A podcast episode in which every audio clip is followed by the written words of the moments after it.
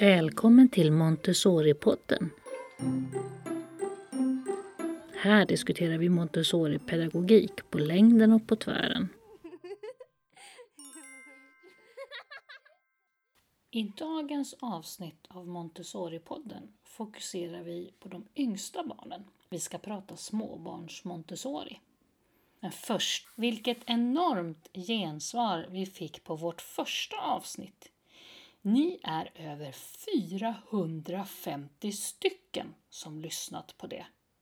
Fantastiskt! Det är så roligt. Jag hoppas att ni fortsätter att lyssna. Diskutera gärna avsnitten på vår Facebook-sida som heter Montessori-podden. Så kanske vi kan få till en levande dialog där. Nu ska podden också finnas på de allra flesta ställen där poddar finns. Och om ni saknar den i någon kanal eller app så säg till så ska jag försöka lösa det. Jag håller också på att lära mig det här med ljud. Provar lite olika mikrofoner och sådär för att hitta det som passar bäst beroende på miljö och situation. Tack för att du står ut med min inlärningskurva till det perfekta ljudet. Och vem är jag då? Jo, jag heter Maria Schacki och är Montessori-lärare sedan drygt 20 år och har tills nyligen varit rektor för den Montessori-skola i Lund jag själv har startat. Numera är jag projektledare för Montessori förskolor och skolor i Sverige AB som ingår i Att växa-gruppen som sedan ett år äger även min tidigare skola. Jag har nu många varierande arbetsuppgifter men en av dem är just denna podd. Idag ska vi lyssna på en intervju med Barbara Waller. Barbara är något av en guru inom småbarns Montessori. Och faktiskt en av mina första kontakter inom Montessori-världen. När jag för 25 år sedan var nyexad förskollärare och vantrivdes på en kommunal förskola så fick jag tips om att man sökte Montessori-assistenter på en förskola i Sollentuna. Jag åkte dit och träffade Barbara och förskolechefen Ylva för en intervju. Innan jag tackade ja så ville dock Barbara att jag skulle observera hos henne så att jag kunde få se om det här var ett arbetssätt jag gillade. Så dagen därpå satt jag på en liten pall inne på hennes småbarnsavdelning på Tallbacken. Precis i det hörnet där jag satt fanns bakövningen. Så vad jag fick se var en liten flicka på två och ett halvt år som bakade bröd till mellanmålet i stort sett på egen hand. Jag var helt tagen och jag kände direkt att jag hade hittat hem. Så jag började hos Barbara och jobbade där i två lärorika år innan jag själv utbildade mig till Montessori-pedagog. Barbara och jag träffades i förra veckan hemma hos henne på Söder i Stockholm. Och så här 25 år senare kan man konstatera att det är nog bara jag som har blivit äldre. Barbara ser precis ut som vanligt. Hon fortsätter att arbeta på småbarnsavdelningar trots att hon egentligen gick i pension för tio år sedan. Hur det här går till och hennes hemlighet för att kunna göra det, ja, den får ni såklart veta. God lyssning!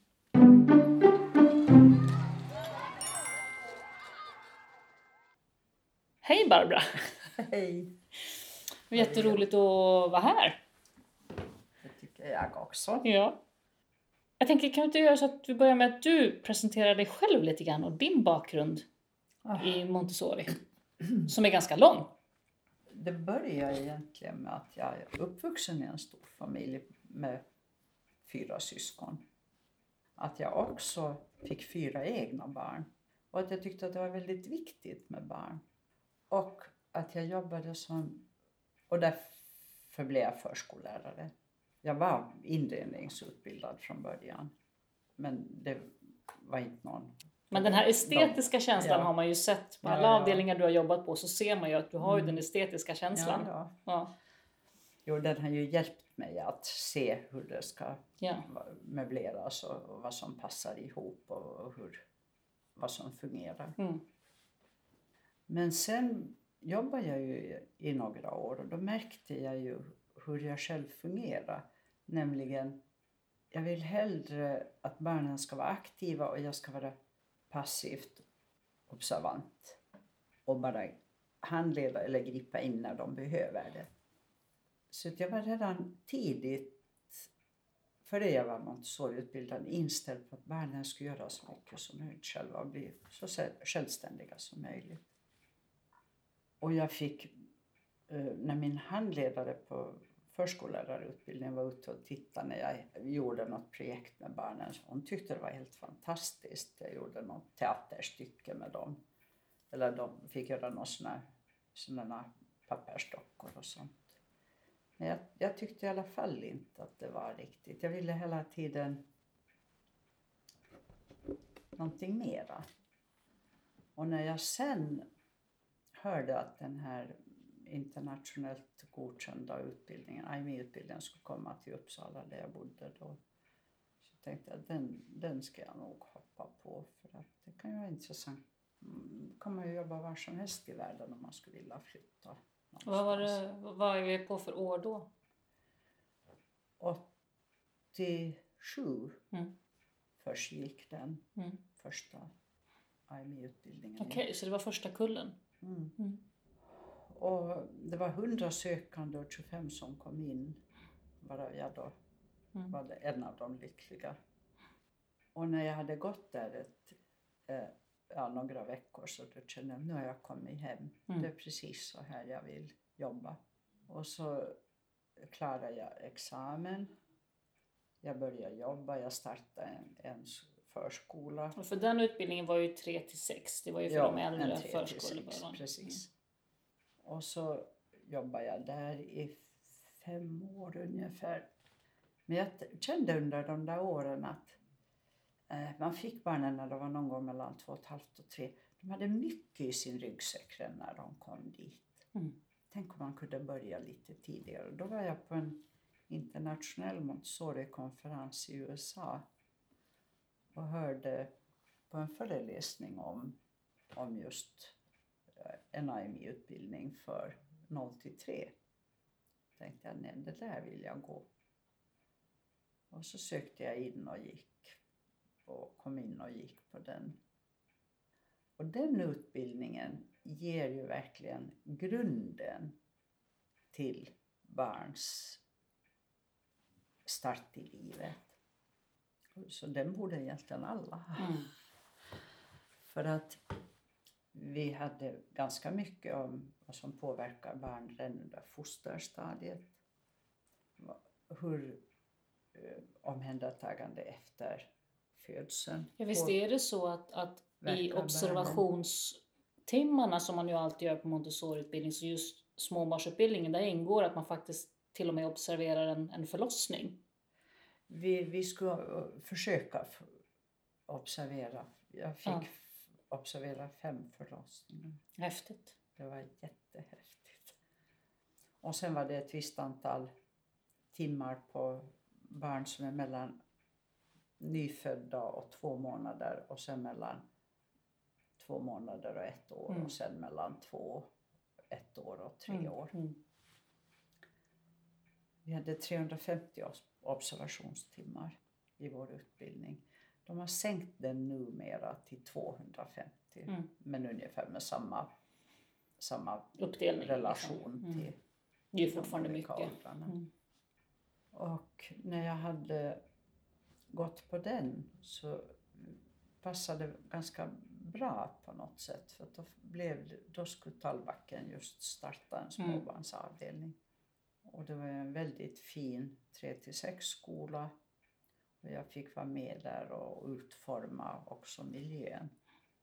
Och Ylva var ju en fantastisk förskolechef då som insåg potentialen i att få en riktigt bra småbarnsavdelning. En, en genuin småbarnsavdelning. Och på den vägen är det.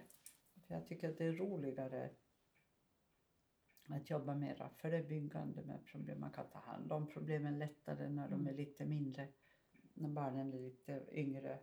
Man kan förebygga en del problem genom att de får en bättre start där under de här åren. Det är också en större utmaning. De kan inte prata. deras föräldrar lämnar bort sina barn för första gången i sina liv. Så de är väldigt känsliga och väldigt oroliga. Man förstår ju att du fortfarande måste tycka att det är väldigt roligt för att du jobbar ju på lite övertid efter pension sådär tio år. Ja, visst. Och, och då måste man ju, tänker jag, verkligen gilla det man pysslar med. Ja, visst. Jag har nog tyckt om varenda dag. Jag har både tyckt om den utbildning jag har fått och inte velat vara utan en minut av den. Men jag har också tyckt om mina dagar på jobbet. Och du känner aldrig så att nej men åh, jag börjar, de här småttingarna, den här lilla miljön, min kropp, jag börjar bli för gammal för sånt här. Du har inte kommit dit än än. Nej, men jag inser att mm, jag började ju med- yoga för när jag blev pensionerad. Ja, precis nu innan vi träffades här så kom du från ett ganska tufft yogapass. Och den gör nog... Den, den Hjälper håller dig. mig i en helt annan fysisk, fysiskt skick. För att den hjälper mig att använda min kropp på rätt sätt för att kunna böja mig, lyfta små barn om det behövs, eller sitta stilla, eller röra mig på Mm. olika sätt. Den ger en väldigt balanserad träning av kroppen. Man har, det finns vissa muskler man aldrig använder. Nej, så är det ju. Den här man fantastiska håller för det mesta kåren. på här, men är väldigt sällan här. Ja. Så att den, den är nog em, till god hjälp för rent fysiskt för, och faktiskt. Och du tänker aldrig sådär att ja, men nu eh, vore det ju trevligt att, bara sätta sig i soffan och börja läsa. Nu, är nog, nu ska jag nog inte jobba mer. Det suget har inte in- infunnit sig än. Jag hinner ju göra det också. Däremot så blir jag lite mindre tolerant mot att lägga min tid om jag inte tycker att det uppskattas eller, eller om jag blir omskuren för mycket. Kan Jag- jag lite vet. mer kräsen. Jag, jag vet ju vad jag kan, jag vet vilken verksamhet jag kan skapa. Men det tar nog ett år att bygga upp en avdelning. Mm. Det tar ytterligare ett år för att hinna implementera, få en lite äldre grupp med barn som hjälper de lite nyinskolade barnen att komma snabbare in i det sättet. Och efter tre år då kan man se effekten av den här starten. Hur ser man då? Jag tänker för att man har ju en... en det är inte jättemånga som har en, en, en väldigt gedigen småbarnsutbildning för just Montessori. Utan många har ju antingen utbildning för de äldre barnen och Mm.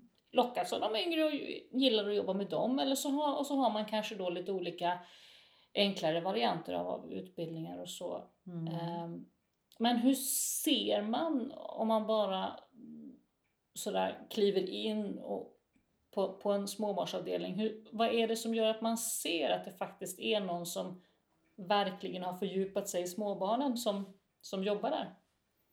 Vad är kännetecknen? Det finns två saker som jag har upptäckt. Antingen så finns det en massa bilder på väggarna och sen tidsfördrivsleksaker på hyllorna. Det, det är en sån sak som kan säga mig att det inte finns någon utbildad, riktigt utbildad. Vad, vad är tidsfördrivsleksaker? Vad tänker du på då? Vad, vad Det är... är till exempel en sån här liten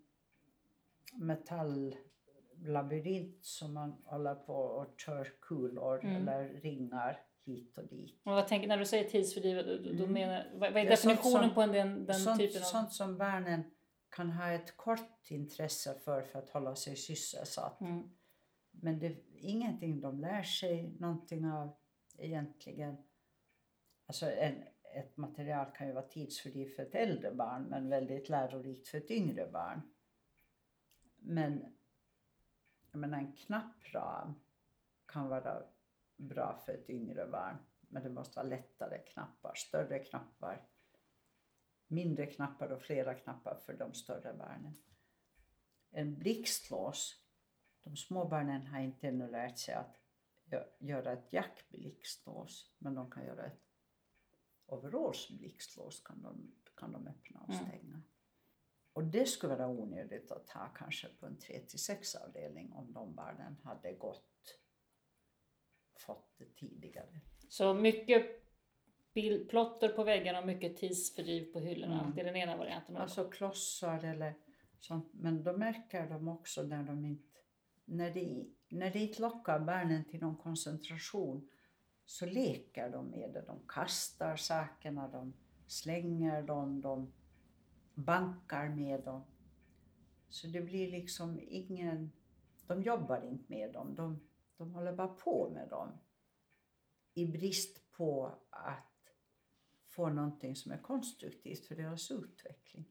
För när de får konstruktiva saker för sin utveckling, då gör, och vi har visat dem hur man till exempel tre ringar på pinnar och plockar ringarna bort från pinnarna. Eller vi har till exempel en liten magnetkorg med några magnetiska föremål.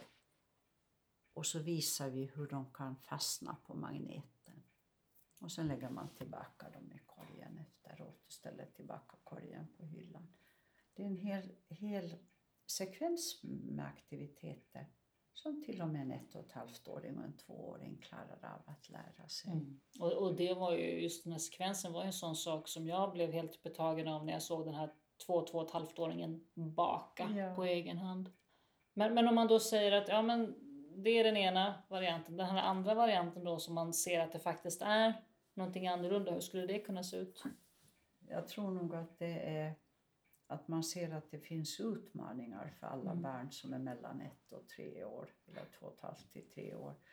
Det, de yngsta barnen håller på med ringar på pinnar, former i hål, enklare pussel. Men det måste finnas svårare motoriska aktiviteter för de äldre barnen. Det är till exempel enklare knäppramar.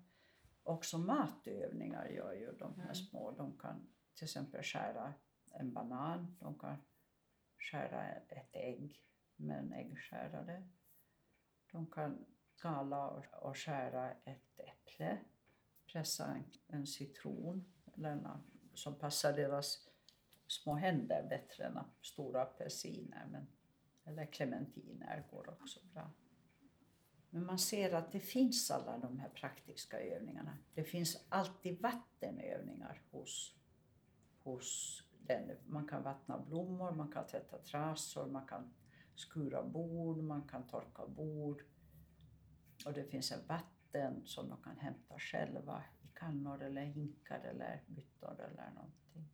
Det vågar inte andra småbarnsavdelningar ha. Det man Då blir det ju blött på golvet och det blir jobbigt. Ja, och det man speciellt ser att det är kanske en 3 till 6 lärare, det är att de tar in hällövningar och ösövningar.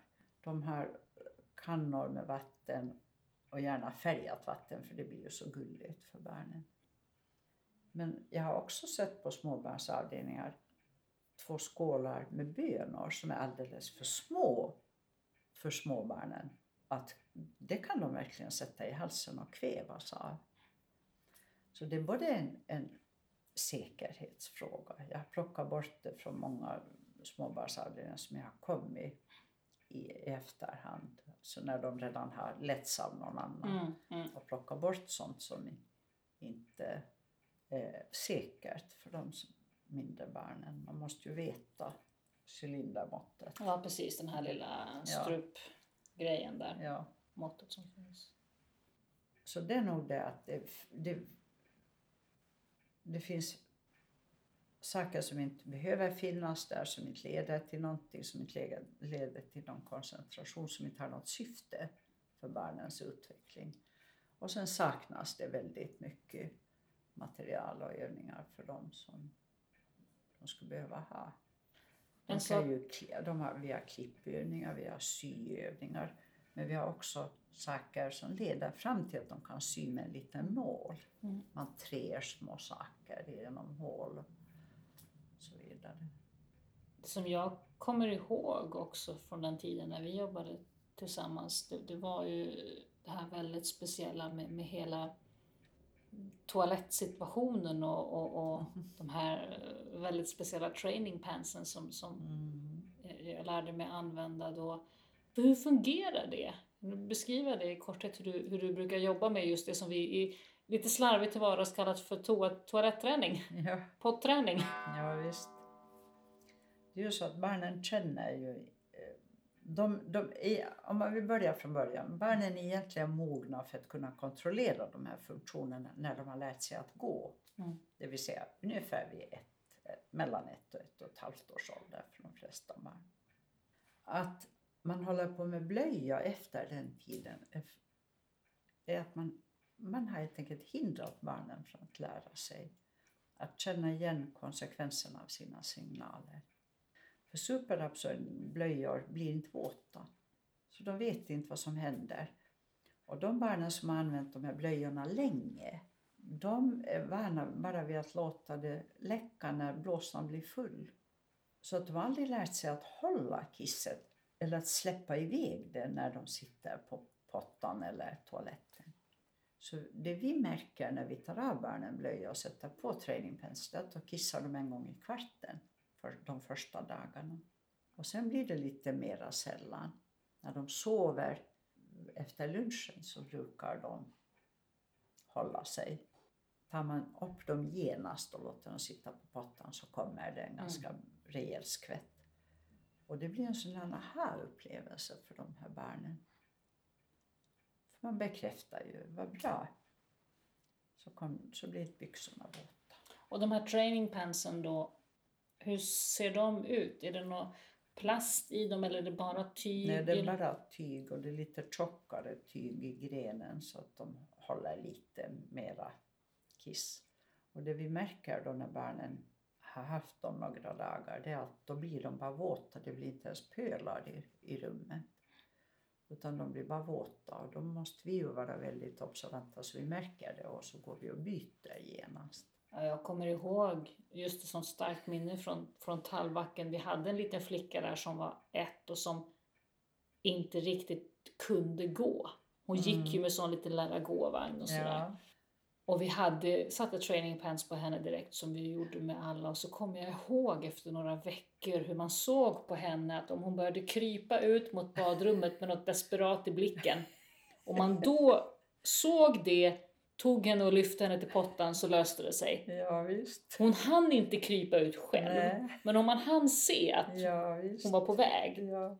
Och det kommer jag ihåg att jag blev så, så tagen av att hon så, så, så tydligt förstod vad som var på väg att hända. Ja, det märker vi. Och ju yngre barnen är när vi får börja, desto lättare är det. Snabbare, desto snabbare går det också. Finns de att få tag på i Sverige numera, de här byxorna? Inte just. Jag, jag får dem via min kontakt Susan Stevenson Mm. i USA, Kalifornien. Ja, för de, det finns ju varianter att köpa här i Sverige, men då är det oftast med något litet plastinlägg i Jo. dem. Och då fyller de inte den där riktiga funktionen. Riktigt. Man kan ju det är ju bättre än blöjor. Man kan, vad man kan göra det är ju att köpa riktiga trosor och kalsonger Mm. åt barnen istället. Jag, jag vet att jag ibland har sagt till föräldrar sådär att ja, men ni kan väl åtminstone köpa de, de dåliga blöjorna så att barnen känner att de blir blöta. Så de börjar protestera när det har hänt Finns något. det sådana? Ja. Och jag tänker de här andra byxorna då som har ett litet plastinlägg. Ja. Vad som åtminstone händer är att barnen börjar, att de känner att de blir blöta så att de protesterar. Så det, är, Ja. det är bättre än ingenting. Men jag, jag, jag tror att jag har en egen erfarenhet av ett av mina barn som gjorde att jag förstår precis att det fungerar det här. Vi bodde i Brasilien när Jenny föddes Mm. och där hade vi bara tygblöjor. Och hon vägrade att somna när de var, den var våt. Så jag bytte och bytte och bytte. Och så när hon var ett och ett halvt år ungefär och vi bodde, i, vi bodde i Finland tillfälligtvis då så hörde jag plötsligt hur någon krafsade mitt i natten på toaletten. Då var det hon som hade stigit upp på natten. Hon hade vägrat på kvällen att sätta på sig en blöja och gått iväg till toaletten och klättrat upp på en sån här vuxen toalett och satt sig där Mm. och kissade. Och då förstod jag att hon nog fixar det här. Du nämnde förut det här med barnen då, att de är från ett till tre eller två och ett halvt snarare. Det här är en sån här ständig diskussion. När är de redo att flytta över till stora avdelningen? Min erfarenhet är att personalen på småbarnsavdelningen tycker ta dem härifrån! De är redo sedan länge. Ja, Vi kan inte stimulera dem längre. Och personalen på stora avdelningen säger nej, hjälp, de är Hjälp. alldeles för små. Ja. Vad, vad har du? Jag skulle vad- säga att det vi märker på barnen är att när de börjar komma i den känsliga utvecklingsperioden för social utveckling. Om de då har gjort, gått hos oss ett år eller så, så infaller den kanske då när de är två, två, två och ett halvt ungefär. Närmare två och ett halvt i alla fall. Någon gång mellan två och ett halvt och, och så länge, till två och ett halvt brukar vi kunna stimulera dem och utmana dem och sådär. Men efter två och ett halvt, då samlar de ihop alla barn och så sätter de sig, radar de upp en stolar där och så börjar de resa med de här barnen. Ingen får jobba för sig själv mera. Eller också blir de, skolar vi nya barn så då börjar de bli sådär, de börjar kissa på sig igen, de börjar, börjar få hjälp med, på, vill ha hjälp med påklädningen eller de försöker bli små igen. Mm. Eller också blir de rent bullies mot Mm. de här andra Ja. kompisarna. Så det, de är, under alla omständigheter är ingen bra förebild för, för de yngre mera. Så de förstör för hela gruppen. De är stora så att de, de anger ju kulturen för de andra barnen. De behöver flytta så fort som möjligt. Och det jag försöker förklara för 3 till 6 lärarna som ska ta emot barn från min avdelning, Mm. det är att tänk på att på slutet hos oss så kunde de jobba med allt. Det får de inte göra hos er. Så börja första veckan med att ge dem grace and courtesy och gränser. För det här får du göra. Det där måste vi visa först. Det här kan du välja när vi har visat det. För annars så går de till pärlkedjorna eller till... Och det är då man får de här lärarna Ja. på 36 som säger att åh, de är Ta, till, överallt! ta, ta tillbaka dem. Ja precis, Ja. vi står inte ut! Men de måste... Det är en annan sorts barn de får än de, de får hemifrån Mm. De är självständiga, de kan mycket, de vill mycket, de vill ha utmaningar. Så börja med praktiska har de jobbat mycket med. Det kanske de vill göra efter ett halvår när de vill förfina och precision och sådär. Men börja med språk och sinnestränande. In med rosa tornet direkt. Ja. Och, och, och sinnestränande. Mm. Och språk. Mm. Mycket språk. För de är i sin känsliga utvecklingsperiod för språk. Och har de gått på en bra småbarnsavdelning så har de ju jobbat med mycket språkförberedande. Ja. Och ge gärna dem en mentor. Du menar ett äldre barn? Men- Ett äldre barn som kan visa till exempel de här sakerna. Du menar att, ett, att ett, en en fyra femåring skulle kunna Ja. faktiskt till och med presentera vissa enkla övningar? Ja, visst. Och, och också, framförallt också säga att så där gör vi inte här. Här plockar vi undan försiktigt. Här. De här sakerna ska ligga här. För det är ju en stor... Det är liksom är mycket för dem att komma till hela den här 3 till 6 Ja, det är det. Men, men de, behöver, de behöver få veta gränserna också. Om man då eh, är en sån där som, som kanske inte riktigt har den här djupa ingående utbildningen i just Montessori för småbarnsåren men ändå känner att man vill göra sitt bästa för att, ha en småbarnsavdelning därför att det behöver man ju ha på nästan alla förskolor. Annars Mm. funkar det ju inte. Barnen måste ju vara någonstans från ett år. Mm. Vad skulle du säga är, liksom- var ska man börja? Vad är essensen? Vad, vad är de, vad är de, om man ska ta någon slags fem i topplista på vad man faktiskt behöver prioritera och börja med? Vad skulle det vara? Du menar om man inte har utbildningen? Mm. Vad ska man tänka på? Vad, är de vikt, vad, är, vad ska man prioritera? Självständigheten. Mm. De lär sig att klä på sig själva, av sig själva. Men i det där ingår ju också den här att de lär sig att sköta sina kiss och bajsfunktioner.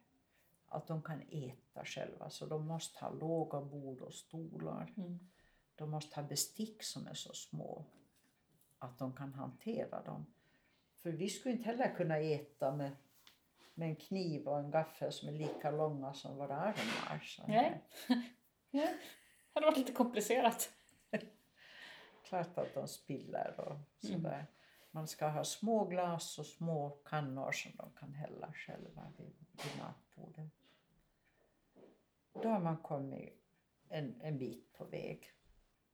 Åk gärna och titta på vad det finns för avdelningar i, i Sverige. Titta på vad det finns med utbildade lärare och, och plocka det man tycker att man tror att man kan hantera då Det man tycker att man förstår. och förstår. Att vattna blommor är ju jättetrevligt för de här små. Enklare matövningar och att baka bröd. Hur ska man tänka kring, kring upplägget på dagen? Med, med arbetspass. Många små barn under tre år eller under två och ett halvt sover ju fortfarande efter lunchen och i synnerhet om de börjar vid ett års ålder så sover Ja, då kan de Alla. nästan behöva sova en liten tuppis vid nio tiden. Det finns sådana också, men ganska snabbt anpassar de sig faktiskt de. till att somna efter lunchen. Vi har haft en, en, ett nytt barn nu som hade börjat sova före lunchen hemma, men nu har han, redan efter ett par veckor, så har han anpassat sig till att vilja sova först efter lunchen. Mm. Det går fort det där. Men dagsrutinerna tycker jag då är att man ska tänka sig två och ett halvt till tre timmars arbetspass på förmiddagen. De här barnen också har också den här starten på någon timme först, falska trötthetsperioden och sen kommer deras djupa koncentrerade stund. Och hamnar den stunden för nära lunchen, då är det uppbrottsstämning och då kommer de aldrig in i det. Men hur tänker man Så då? då avbryter man liksom, eller man försenar den där Ja, Men jag tänker just de här barnen då som ju då sover efter lunch. Mm.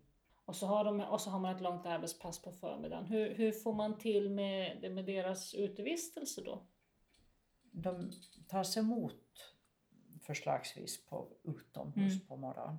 Och beroende på när man öppnar då så är de ute kanske en timme, en halvtimme.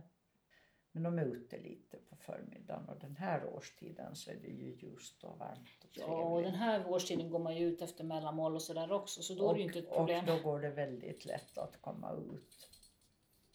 Men går barnen hem tidigt, kanske till exempel genast efter mellanmålet på vinterhalvåret, då brukar jag säga åt föräldrarna det är ert ansvar att vara ute med era barn. Och de har fått sin stimulans på förmiddagen, de har fått sin lunch, de har sovit. Ta med dem ut i någon lekpark. Ta den långa vägen hem. Eller ta en lång promenad hem Mm. och få en härlig promenad själv. Eh, Det går bra på, med vissa föräldrar och så går det mindre bra med andra föräldrar. Ja, så är det ju alltid. Ja. Så här eh, efter att ha jobbat jättelänge, längre än de flesta kommer att göra. Vad är din, du, du går ju till jobbet varje dag för att du fortfarande tycker det är roligt. Men, men vad har varit den bästa behållningen hittills? Vad är dina, dina bästa minnen? Ja. Jag har fått, ibland så har jag fått lite feedback från barn eller föräldrar som jag har haft Mm. kanske fem eller tio år senare där de faktiskt säger att de har haft som behållning av att få gå på en riktig eller att gå på en Montessori småbarnsavdelning Mm. eller en 3 till 6 avdelning. Mm. Ibland har det ju varit, för jag jobbar Med dem också. Ja. sammanlagt kanske tio år med den åldersgruppen. Men jag behöver, jag behöver jobba på ett sånt sätt att jag ser att barngruppen utvecklas, att de enskilda individerna utvecklas i barngruppen, blir mera harmoniska, blir gladare, blir snälla mot varandra, omtänksamma mot varandra. Och då känner jag att då har den här verksamheten gett de här barnen den här starten i livet och den kommer säkert att lägga en väldigt bra grund för vidare, fortsätta i samma. Så de här första sex åren är så otroligt viktiga. Och, och det första året är ju det som alla barn förhoppningsvis kan få tillbringa hemma i sina familjer. Och därför är ju föräldrautbildning också väldigt värdefullt. Ja, det har du jobbat en hel del med på småbarnsavdelningarna. Jo. Och med köföräldrar Mm. och så vidare. Mm. Och ofta har de ju, när de är i tvåårsåldern så väntar de ofta nya barn. Ofta har de småbarn eller småsyskon. Är det något mer sådär som du kommer på att men det här hade jag velat säga också?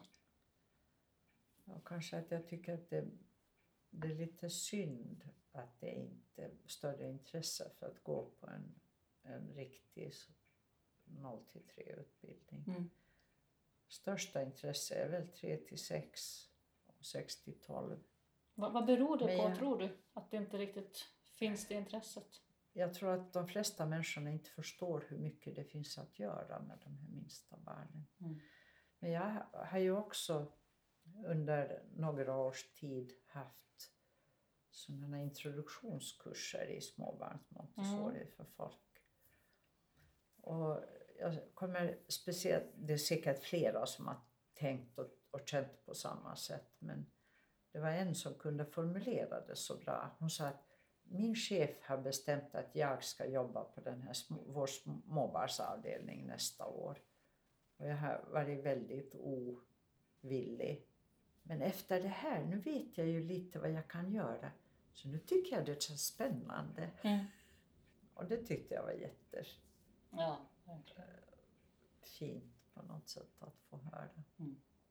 Ja, men det är lite så. Man, man tänker tror jag att ja, men det där med småbarn, det är någon slags transportsträcka.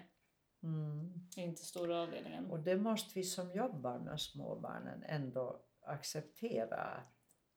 Du sa själv någon gång att det var alltid en som sitter i badrummet. Mm. Och då måste man säga till, nu är jag trött på det så då får någon annan ta över här så att jag Mm. kan gå ut och jobba med de andra barnen Mm. också. För det ligger mycket i det. Mm. Ja, på småbarnsavdelning lever man ju ut till stor del Ja. livet i badrummet. Ja, Men, men, men tricket är ju att någonstans kunna se det pedagogiska poängen med vad man gör där. just det. Det är pedagogiskt att de sover, och hur de sover, hur de äter, hur de beter sig i badrummet, hur de beter sig inne Mm. bland, med varandra socialt och med saker. Och det där med att sova. Jag har nästan på alla ställen, inte på alla ställen, men nästan på alla ställen där jag jobbar fått bort napp. För att nappen är ju också en sak man, det är vi vuxna som stoppar den i munnen på barnen för att tysta dem, för att de inte ska kunna uttrycka missnöje. Men det blir en del av deras kroppsuppfattning. Så de vänjer sig vid att alltid ha någonting i munnen. Och för en del barn går de omkring och suger på allting de får tag på. Andra barn äter för mycket. Och vad händer när de blir vuxna? Mm. Eller någonting annat. Mm.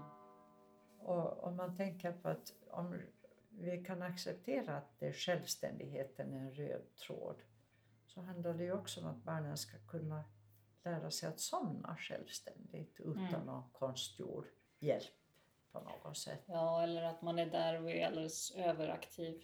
Jag kommer Eller, ihåg, ja. ja, sitter bredvid. och- Jag kommer det var min specialuppgift att få alla tolv att somna, minns jag, när vi jobbade tillsammans. Jag satt, satt, tog en pall och satte mig mitt i rummet och såg lagom ointresserad ut. Det är mycket bra strategi. Och då somnade Det fanns någon enstaka som man behövde buffa lite på. Ja, visst. Som...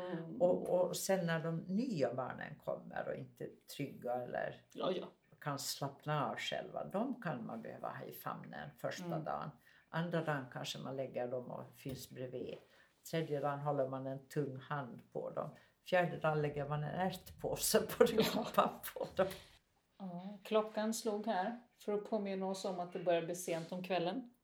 Ja, men det var trevligt att få prata lite grann och gräva ner sig lite grann i, i de allra yngsta barnen.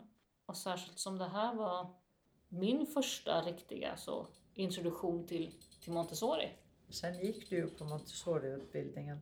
Ja. Då kommer jag ihåg att du sa sen efteråt att du hade nog varit ganska irriterad på mig ibland när jag tyckte att saker skulle vara på ett visst sätt. Men sen när du gick på Montessori-lärarutbildningen då, tyckte, då förstod du nog varför. Då var du nästan tacksam. Så, så är det. Jag brukar säga till mig att jag tycker ibland så kan jag säga att det ja, men det är nog Barbara som har uppfostrat mig i Montessori. Ja. Ja. Men du har, du har ju kunnat ta till dig det. För Mm. du var ju ute och ville någonting annat emellan men du kom tillbaka till det igen Mm. sen. Mm. Mm. Och det tycker jag var väldigt roligt för Mm. du har nog också gjort din del här i världen för Montessori. För barnen. Det är ju därför vi håller på med det här. Mm. Mm. Tack så mycket för samtalet Barbara. Tack själv Maria.